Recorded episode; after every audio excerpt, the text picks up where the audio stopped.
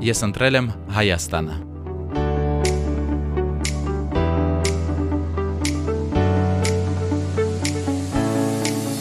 Աշխարի տարբեր անկյուններում բնակվող հայերը հզոր ուժ են Հայաստանի համար։ Հայրենիքում ապրելը, զբոսաշրջիկից Հայաստանի քաղաքացի դառնալը նրանցից շատերի երազանքն է։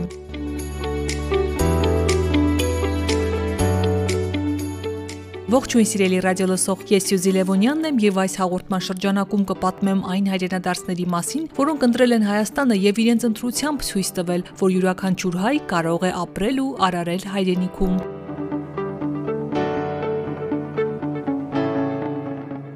Հիշելով ինձ, Բելարուսում հասկացա, որ ես անգամ չեմ էլ գիտակցել 10 տարի հաստատ մենք մտածում ենք, որ կգա մի օր, որ մենք բոլորս կտեղափոխենք։ Ինձ Հայաստանի հողն է քեզ նաև ինչ որ ուժ տալիս։ Ես հասկացա, որ միայն ու միայն Հայաստանում է հնարավոր քո ինքնությունը պահես։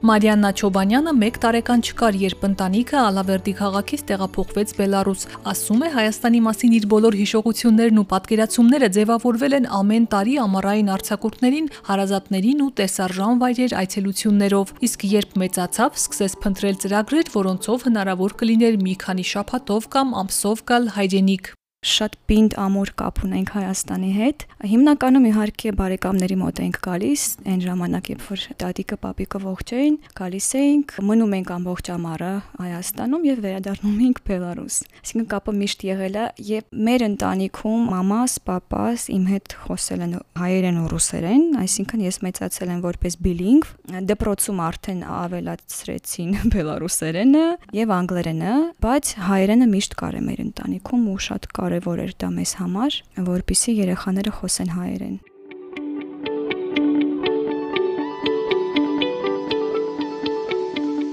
Միջազգային հարաբերությունների մասնագետ անգլերեն իսպաներեն թարգմանիչ է Մարիաննան, սովորել է Մինսկի համալսարանում, հետո մագիստրոսական ուսումը շարունակել Մինսկում եւ 4 ամսյա ծրագրով Երևանի պետական համալսարանում։ Մինչև Հայաստան տեղափոխվել նա աշխատել է վաճառքի մենեջեր ՏՏ ոլորտում։ 2019 թվականին միայնակ տեղափոխվել է հայրենիք, որոշ ժամանակ անց ընտանիքն է միացել նրան։ Ասում է 10 տարի մտածել են վերադառնալու մասին, բայց միշտ ինչ որ առիթներ են փնտրել վերջնական որոշում կայացնելու համար։ Հիմա երբ հետ է նայում, մտածում է, որ ավելի շուտ պետք է վերադառնար սկիզբը ես եմ եկել, հետո արդեն ընտանիքս է միացել, բայց կարող եմ նաև ասել, որ այդ որոշումը եղել է վաղուց։ Կարելի է ասել, որ մի 10 տարի հաստատ մենք մտածում ենք դրա մասին ավելի լուրջ, որ կգա մի օր, որ մենք բոլորս կտեղափոխվենք, ուղղակի պետք է ինչ-որ հարմար մի կետին հասնես, որ դա քո մոտ ստացվի։ Իրականում իհարկե մտածում եմ արդեն հետ նայելով, որ կարելի էր ավելի շուտ գալ, թեկուզ գալ Հայաստանում սովորել,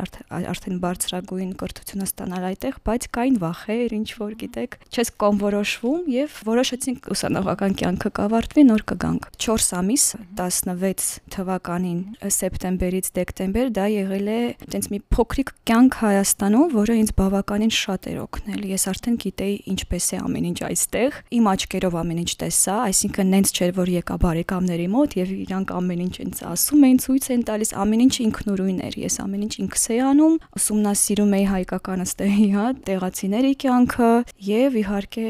դա շատ օգտակար է, շատ օգտակար փորձ էր եւ ես հիմա էլ իմ աշխատանքի մեջ միշտ խորհուրդ ենք մենք տալիս, որ անպայման ինչ որ կարճաժամկետ ծրագրեր փնտրեք, գտնեք, մասնակցեք եւ նոր արդեն այդ լուրջ որոշումը կատարեք։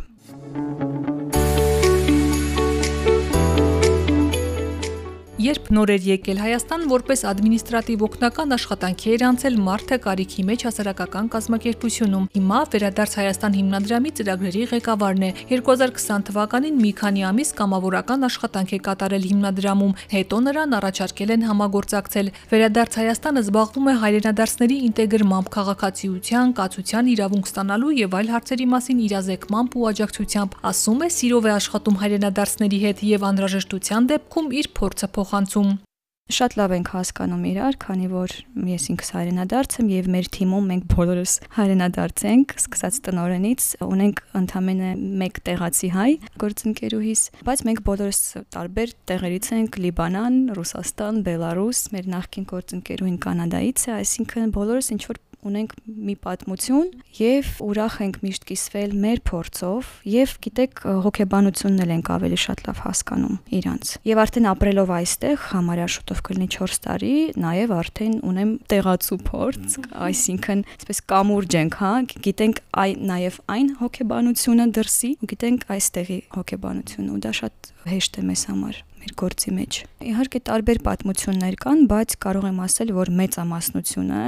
ովքեր գալիս են, իրանք մնում են։ Կարողա դա չստացվի հենց առաջի անգամ, որ կան ու մնան, բայց հաստատ երբ որ վերադառնում են, օրինակ եթե եկել են ինչ-որ մի ծրագրով, դեպի հայք ծրագիր կամ հայ կամավորական կորպուս եւ այլն, իրենք մեկը հետո գալիս են, վերադառնում են եւ մնում են։ Բազմաթիվ օրինակներ կան, նույնիսկ եթե խոսենք պատերազմի մասին դա եղել է շատերի համար տրիգեր, այսինքն պլանավորել են հայրենադարձությունը, հա, կլինի 5 տարի հետո երևի հեսա ոտի կկանգնեմ, կգնամ Հայաստան, բայց այդ այդ հանգամանքը պատերազմը արագացրել այդ ընթացքը։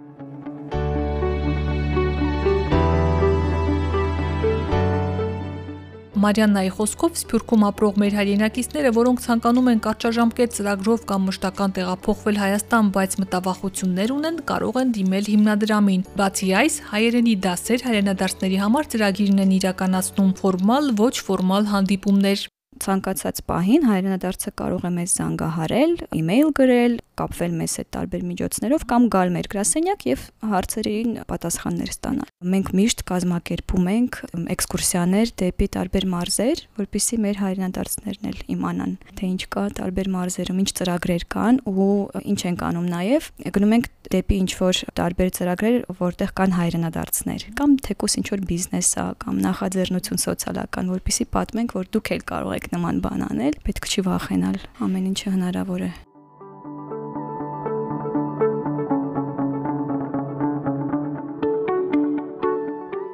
Հայաստանը միայն Երևանը չէ, պետք է հաճախ գյուղերով ու քաղաքներով շրջել, շփվել տեղացիների հետ, ճանաչել հայրենիքդ։ Շփիտով ասում է Մարիաննան ու հավելում՝ հայրենիքից հեռու հայ մնալն ու ինքնությունը պահելը հեշտ գործ չէ։ Եթե դուք զգում եք, որ դուք ձեզ այդտեղ այդքան էլ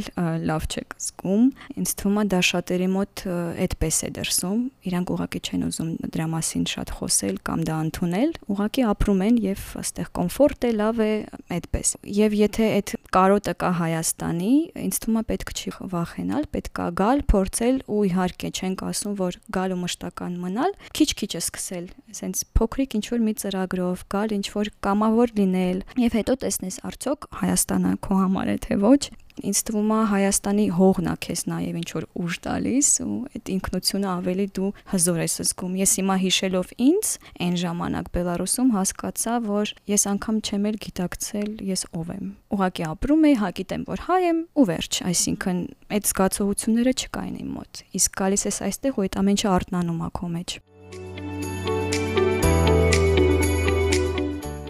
Հայաստանում բոլորս շատ անելիքներ ունենք, իսկ հա սփյուռքահայերի փորձը մասնագիտական որակները կարծես կողքից օգնող ձեռք լինեն, ասում է Մարիաննան ու նկատում միշտ կարելի է օգտակար լինել ու անգամ ամենափոքր ներդրումը կարևոր ու նկատելի է։